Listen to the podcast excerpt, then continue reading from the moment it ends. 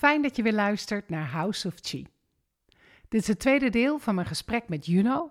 We hebben het over energy clearing. Ik ben Juno Burger en ik ben vandaag in de huis.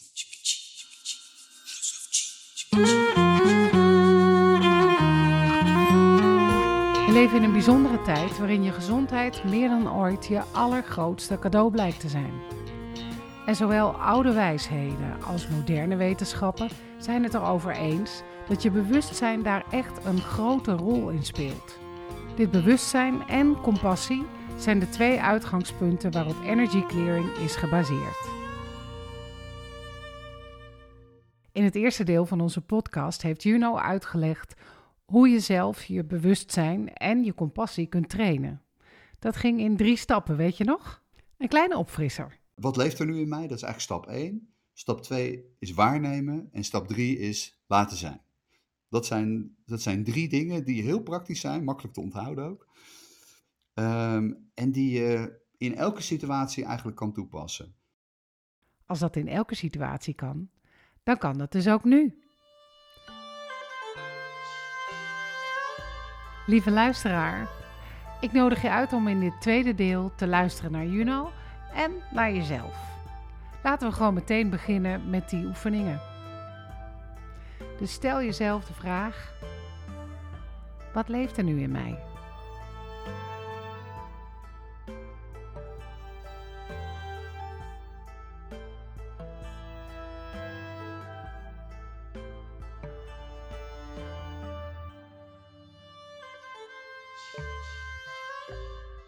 Wat leeft er nu in mij? Dat is eigenlijk stap 1. Stap 2 is waarnemen en stap 3 is laten zijn.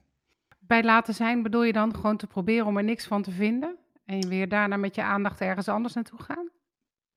Niet per se, want dan ben je het eigenlijk aan het fixen. Want als je denkt van, oh, oh. Ik, vind, ik vind hier van alles van, maar ik mag hier niks van vinden. Want Nathalie heeft me net verteld dat ik, ik mag hier niks van vinden. Let it be. Ja, precies. Dan ben je eigenlijk in ah. conflict, snap je? Dus het gaat er niet om of je er wel of niks van mag vinden. Dus als je ditzelfde voorbeeld neemt, de geïrriteerde collega staat naast je. En dan kan het zijn dat je die irritatie voelt, maar dat er geen enkele trigger in jou is. En dan is eigenlijk de, de ervaring is van, oh, er wordt irritatie gevoeld, punt.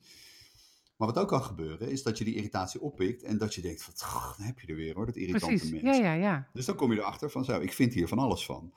En de kunst is dan om dan dus niet te denken van, oh shit, weet je, ik vind hier weer van alles van ik moet 50 uur extra mediteren, ik moet meer yogalessen boeken, want ik doe het allemaal niet goed. Ja. Want dan, ben je, dan ga je eigenlijk weg van wat er gebeurt, namelijk je vindt, er wordt irritatie gevoeld. En dat is juist de uitnodiging om op te merken. Dus niet om jezelf straf te geven van, oh ik doe iets verkeerd, Mhm. maar om gewoon simpelweg te registreren, wat grappig, ik pik irritatie op van die persoon en ik vind daar wat van, ik heb daar een vet oordeel over. Dus wat gebeurt daar eigenlijk? Er wordt een oordeel geveld. Punt. Einde Ja. verhaal. En dat is eigenlijk de kunst om dus dat oordeel wat je dan voelt niet persoonlijk te nemen, want het is niet jouw oordeel. Je hoeft niet te weten waar het vandaan komt, wanneer het ontstaan is, of wanneer je begonnen bent met zoiets irritant te vinden. En je hoeft het ook niet op te lossen. Het gaat simpelweg. Zelfs dat oordeel is ook niet mijn oordeel. Nee. Nee. Het is niet van jou. Het is niet wie jij bent. Wie jij Ja, ja. bent. En dat is een van de meest exotische ideeën voor mensen om bij stil te staan. Dat eigenlijk, dat is letterlijk ook wat ik tegen mensen zeg. Geen één gedachte, geen één gevoel, geen één emotie, geen één fysieke sensatie is van jou. Of ooit van jou geweest, of hoeft ooit nog van jou te zijn. Het is iets wat je simpelweg ervaart via de zintuigen van je lichaam door een bepaalde situatie waar je in zit. Maar het is niet van jou. En mag ik vragen, wie ben je dan wel zonder al die... dat is de goede vraag. Ja, dat is dus zo interessant. Eh, niet dat in ieder geval, maar wel heel Ja, ja. veel. En wat mijn ervaring is in mijn eigen leven, eh, maar wat ik ook van heel veel andere mensen hoor die dit op een gegeven moment gaan doen en erachter komen van, oh, wat is dat relaxed. Om dat eigenlijk zo te zien, is dat er dus eh, onder al die valse identificaties, hè, die de meeste mensen natuurlijk hebben met hun gedachtenwereld of hun emoties, eh, hè, doordat ze letterlijk zeggen, ja, ik ben dit allemaal. Mhm. Daaronder ligt een soort unieke blauwdruk Ja, van wie je als mens werkelijk bent. En dat zijn heel veel unieke kwaliteiten, eigenschappen, voorkeuren. Alleen die passen echt bij je, snap je? zijn, zijn die dan wel van mij of eigenlijk ook niet? Nou ja, niet van jou, maar die, die passen wel een stuk beter bij je. Ah ja, ja, ja, ja. Die- die zijn denk- het. die zijn denk ik een stuk authentieker dan al die ideeën, gevoelens, gedachten, emoties die we feitelijk opgelegd krijgen. of die we door ons leven heen verzamelen of misschien wel meenemen uit onze familielijn, allerlei overtuigingen. Die in essentie helemaal niet bij ons horen of van ons zijn. Maar letterlijk wel ehm, heel veel energie hebben gekregen. En waar we steeds ook gewoon in investeren door te zeggen van, oh ja, dit, ja dat is van mij, weet je, dat hoort bij mij. Mag ik er nog iets vragen? Want wat ik wat je vaak hoort is dat mensen zeggen van uh, bijvoorbeeld over zo'n uh, geïrriteerde collega bij het koffieapparaat of uh, je moeder of je schoonmoeder. Ja, schoonmoeders. Van, ja, van oh nou, ehm, oh, die zuigen me altijd helemaal leeg. Of oh, ik heb nog helemaal die en die energie om me hangen. Dat ja. kan toch eigenlijk helemaal niet? Nee, dat kan ook niet. En dat is een van de, ja, dat vind ik altijd even een leuke ding om tegen mensen te zeggen. Is kijk, als je het gevoel hebt dat mensen energiezuigers zijn, wat een ja. hele populaire term is. Natuurlijk, Precies uh, dat is natuurlijk eigenlijk gewoon blame. Die geeft iemand anders de schuld van hoe jij je voelt. Als je kijkt wat daar energetisch gebeurt.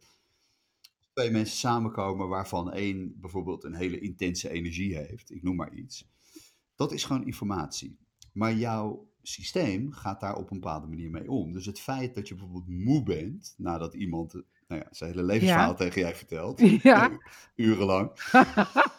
uh, of dat je bijvoorbeeld misschien letterlijk die energie nog wel in je lichaam voelt, zegt wat mij betreft veel meer over hoe jouw systeem met die informatie van die andere persoon om is gegaan. Ja. Dan dat die persoon jouw energie heeft gestolen. Dus feitelijk waar je zo moe van wordt of waar je op leeg loopt, is jouw verzet ah, tegen wie die persoon is. Dit is de ultieme vrijheid eigenlijk, hè? Totally.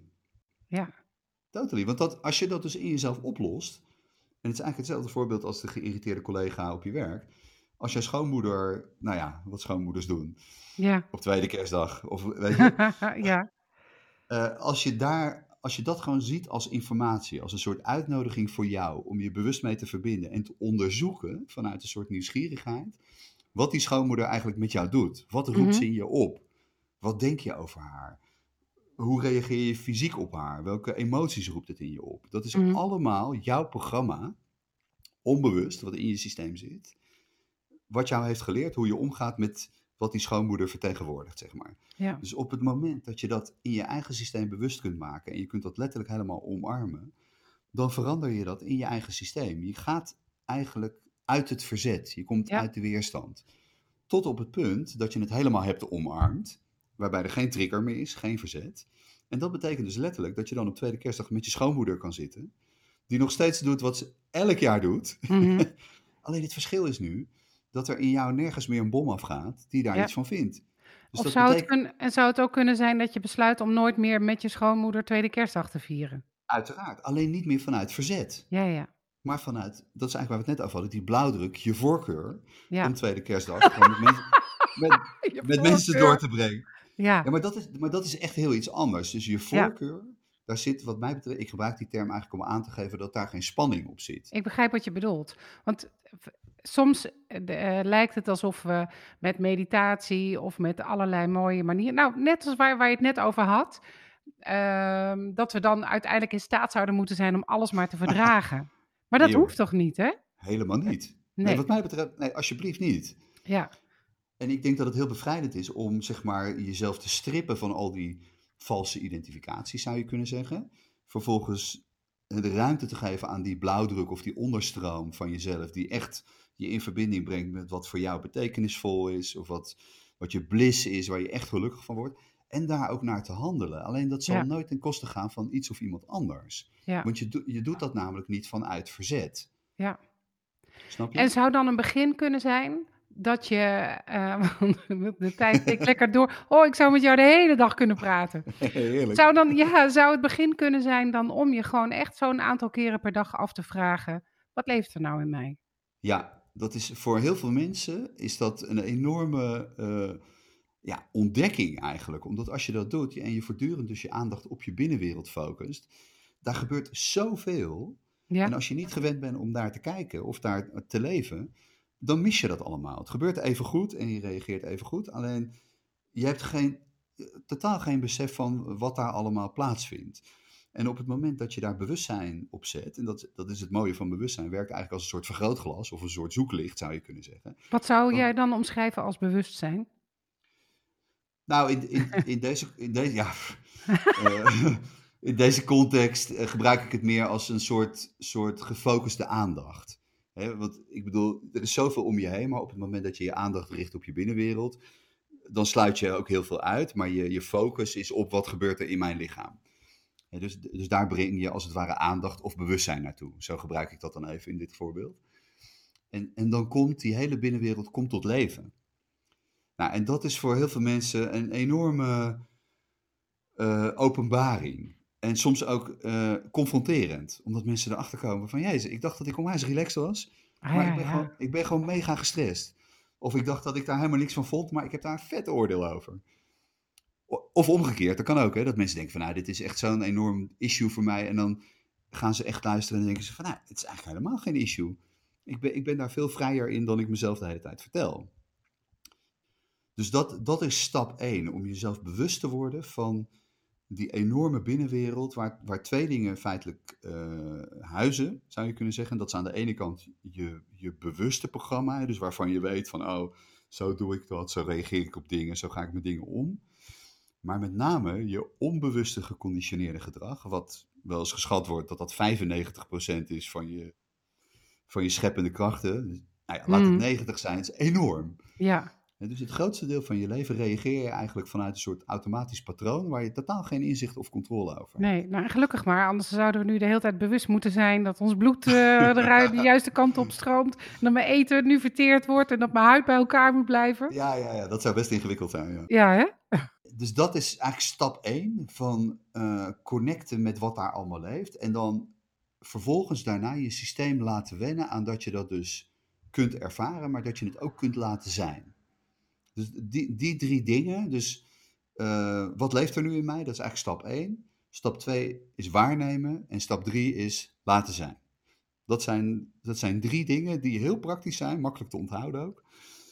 Um, en die je in elke situatie eigenlijk kan toepassen. Nog even, okay, waarnemen? Dus stap 1 is, wat leeft er nu in mij? Wat leeft er in mij? Ja, een baseline, een reality check, een referentiepunt. Dat is hoe het nu is. En dan als er iets verandert aan je situatie, je gaat naar buiten, je ontmoet iemand, je krijgt een mailtje, whatever.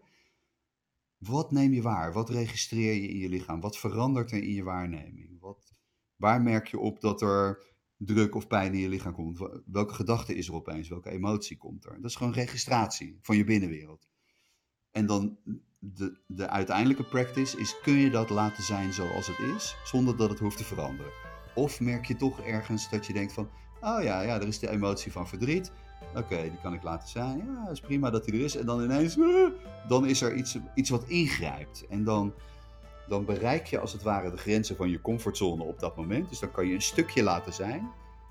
Maar waar je dan de grenzen van je comfortzone bereikt, daar neemt dat oude, onbewuste geconditioneerde programma het over. Omdat het nog niet helemaal veilig is. En dan ga je in die oude reactie. Dus het, je, het is ook goed om jezelf de tijd te geven. Ja, slowly, slowly. En zachtheid. Dus ah, verzachten in dit proces is heel belangrijk. Omdat ehm, het is echt een ontdekkingsreis. Want die, die geconditioneerde reacties, hè, dus dat is wat in het onbewuste zit, dat is zo'n complexe mix van uh, wat er in je genen zit, wat er in je familielijn gebeurd is, wat er in vorige levens gebeurd is, wat je in je jonge jeugd hebt meegemaakt. Dat is een mega complex systeem van allerlei factoren die ook nog eens een keer elkaar allemaal beïnvloeden. En daar ga je feitelijk naartoe. Hè? Dus je gaat echt een, een, afdaling maken in de kelder van je onderbewuste. En aan de ene kant voel je van, wow, dit is echt exciting, want daar is heel veel ruimte te maken. En aan de andere kant, afhankelijk van wat je hebt meegemaakt, wat je misschien weet of niet weet, voel je ook ergens van, wow, daar zit misschien wel iets wat echt, wat best wel eng is, of pijnlijk, of verdrietig, of beschamend. Uh, en, en weet je, uh, dus, dus het is in heel veel mensen een soort, ik wil niet zeggen een tweestrijd, maar een soort spanningsveld aan de ene kant uh, tussen het verlangen om daar naartoe te gaan en te weten van als ik daar op een andere manier mee omga, dan kan ik mezelf enorm bevrijden. En anderzijds van, wow, wat ga ik daar tegenkomen? En ben, ja. ik, ben, ben ik er klaar voor? Kan ik dat ook echt kan ik dat in de ogen kijken en kan ik dat echt in mijn hart sluiten? Dat zijn best grote vragen natuurlijk. Ja. Uh, maar er is maar één manier om erachter te komen en dat is om het te doen. Ja. En jij geeft daar ook trainingen bij, hè? Ja. Ja, ik, ik, leer dit mensen, maar eigenlijk heb ik het net verteld. Ja, ja ik heb natuurlijk jouw training al heel lang geleden gedaan. En wat ik ook daar heel goed van herinner, is dat jouw curriculum zich uh, bevond op een, een half, een half één kant van één A4'tje. Ja, ja, dat noem ik voor de grap, noem ik dat het cursusboek. Precies, maar dat is ook een uh, enorme, over paradox gesproken, ja. Het ja, is super simpel, maar ook super uh, groot ja. en abstract. Dat is het, weet je. En um, het, het, mooie van deze manier van leven is dat het helemaal ontworpen is om zichzelf overbodig te maken. Dus er is geen, er is geen mogelijkheid om gehecht te raken aan een leraar of aan een cursusboek of aan een bepaalde filosofie. Het is echt het werk in jezelf doen. Um, maar het, het, het, is helemaal waar wat je zegt. Het is het meest simpele wat er is en het meest voor de hand liggende wat er is. En wat mij altijd opvalt als ik het mensen vertel, is dat bijna iedereen het snapt en zoiets zegt van ja, ja, makes sense. Ergens herken je het. Want, mm. het is mhm. wie je bent. Je weet het al lang. En wat uitdagend is, is om al die andere dingen die je zelf hebt aangeleerd, individueel of collectief, om dat af te leren. En dat is, dat is feitelijk waar de uitdaging ligt. En, en ik vergelijk het wel eens met uh, dat je moet, moet afkicken van een langdurige verslaving. En bij de meeste verslavingen is het onmogelijk om cold turkey af te kicken. Dus je maakt met je hoofd een besluit van, nou, ik wil dit niet meer. En dat doen heel veel mensen ook. die zien patronen of dingen in hun, in hun leven waarvan ze zeggen, nou, ik ben hier zo klaar mee. Ik, weet je, ik stop hiermee. En dat is het hoofd, in bewustzijn. Maar dan heb je te maken met een lichaam. En eigenlijk is het lichaam het, het langzaamst van begrip wat je een heel leven lang verteld hebt, geïnstrueerd hebt, hebt geprogrammeerd om op een bepaalde manier met dingen om te gaan, wat volledig automatisch gaat. En om op dat niveau te veranderen, op het niveau van het lichaam, dat kost echt tijd. En daar zie je heel veel mensen die nou ja, een bepaalde practice gaan doen, die echt tien stappen vooruit gaan van, oeh, ik heb iets nieuws geleerd, ja, ja het werkt. En, het is en dan ineens, boem. Maar ook weer negen stappen terug gaan. Omdat dat, dat oude systeem, dat wil nog iets. Dat heeft echt nog iets nodig. Nou, en dat is eh, wat jij net zei, of waar we het over hadden, daar is zachtheid heel belangrijk. Dus weet je, wees niet te streng voor jezelf en, en geef jezelf ook de kans om aan een hele andere manier van leven, of misschien wel ervaren, ook gewoon te wennen. Uh, en sta jezelf ook gewoon toe om hopeloos te falen. Ja. ja. doen we allemaal. En het is geen falen, het is gewoon leren. Ja. Mm, mooi. Mm. Ja. goed waar kunnen mensen, Ja, waar kunnen mensen jou vinden? Uh, op mijn, ja, via mijn website, junnoburger.com. junnoburger.com. Daar kan je ook aanmelden voor trainingen? Ja, voor trainingen, voor lezingen, voor sessies, van alles. We zijn als mensen natuurlijk ook soms heel erg... Um, hebben we het verlangen om elkaar te fixen. Of elkaar te helpen. Ja. wat is volgens jou het mooiste wat we voor elkaar kunnen doen? Hoe kunnen we voor elkaar zijn? Nou, wat mij betreft is dat juist om elkaar niet te fixen, maar om gewoon te erkennen wie je nu bent. Alles inclusief. Ehm, en, en, mijn ervaring met erkenning, en dat is eigenlijk hetzelfde als omarmen. Dus als jij bij mij komt en jij bent mega verdrietig, er is iets in je leven gebeurd wat je echt geraakt heeft. Wat een, nou ja, wat een, een gat in je hart heeft geslagen. Of wat, wat een mega trauma heeft veroorzaakt. Wat dan ook. Eigenlijk, als je gewoon kijkt naar wat je dan op dat moment het meeste verlangt, is niet om gefixt te worden. Mhm. Maar feitelijk om erkenning te krijgen voor wat jij op dat moment voelt. Is dat namelijk ook wat jij eigenlijk doet in een clearing? Totally. Ja, want ik ben helemaal niet bezig om iemand te fixen. Het is juist de uitnodiging om datgene wat er in die persoon leeft, echt, echt een podium te geven. Zuurstof in te blazen, in het licht te zetten en gewoon helemaal te laten bestaan. Zonder dat het gefixt hoeft te worden. En inmiddels weet ik, ik denk gewoon puur eh, omdat ik het zo lang doe al, een ervaring. Is dat juist als je dat op die manier doet, dan heeft alles een natuurlijke timing. Ja, ja. En dan, en dan wordt dat verdriet helemaal gevoeld en het doet echt onwijs pijn. Ik bedoel, echt, oh, misschien verpletterend. Maar mijn ervaring is dat als je dat doet, dat dat de snelste manier is, als die er al überhaupt moet zijn, ja, ja. om dat verdriet een plek te geven. Dus iemand hoeft niet gefixt te worden, het fixt zichzelf, want dat is gewoon de natuur. De natuur fixt zichzelf zolang het de ruimte krijgt. En diegene is natuurlijk ook in principe uitgerust om Nou ja, om overal en altijd met iedereen en alles te kunnen zijn zonder daardoor belast te worden.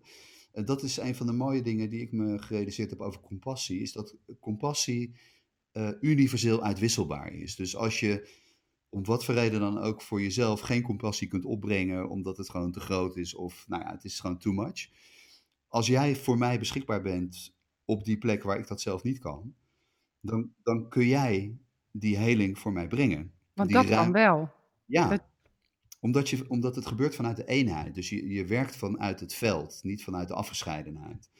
Want vanuit de afgescheidenheid zou het betekenen van ja, het is mijn drama, ik moet dat oplossen, want het is van mij. Maar nu breng je het eigenlijk in een soort veld van eenheid.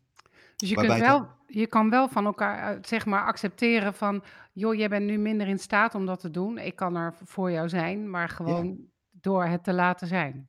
Ja, absoluut. Ja. In plaats van je moet het altijd zelf kunnen doen. Ja, juist niet. Want uiteindelijk in dat, in dat grote veld van energie of eenheid, het zero point field of het quantumveld, hoe je het noemt, daar is natuurlijk gewoon alles al één en heel. Dus het, het bewustzijn dat iets wat daar gebeurt daar helemaal kan zijn en dat het echt ruimte krijgt. Uh, en dat is ook denk ik belangrijk om misschien even te benoemen. Dat compassie is, is niet iets wat je doet. Is niet iets wat je aan iemand stuurt. Dat is echt een ruimte die je bent. Zo kijk ik daarnaar. Dus een ruimte waarin je alles wat er gebeurt echt helemaal kunt laten bestaan. Maar dat kan je niet faken, want als je die ruimte niet bent, of je gaat toch ergens in reactie, of je vindt daar iets van, dan is die ruimte natuurlijk beperkt. dus je kunt alleen maar compassie zijn tot de mate waarin je dat gewoon op dit moment bent.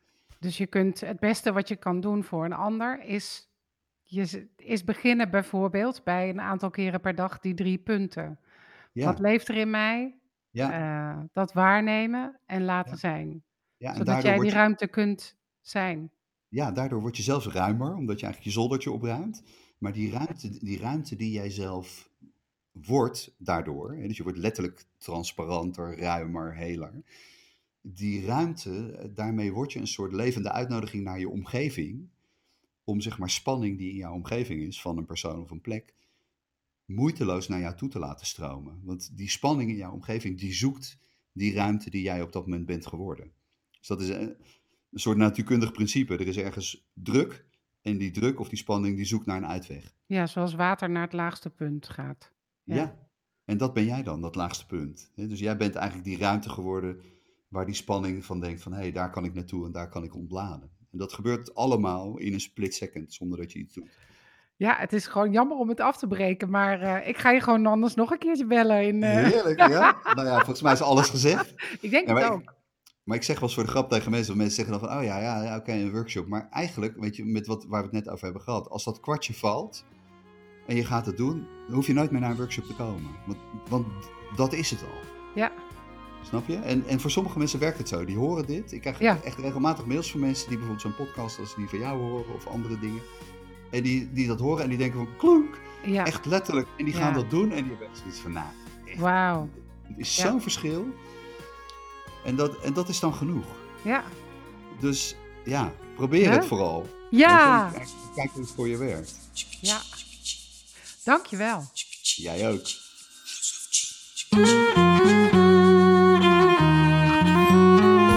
En jij ook bedankt. Dankjewel weer voor het luisteren naar House of Chi. En dankjewel Norman David Jansen voor de prachtige muziek. Wat er in mij nu leeft, is eigenlijk de behoefte om deze podcast nog eens rustig terug te luisteren. En om verder te sparren met Juno over fysieke gezondheid en energy clearing. En dat gaan we doen. Dus daar verheug ik me nu al op.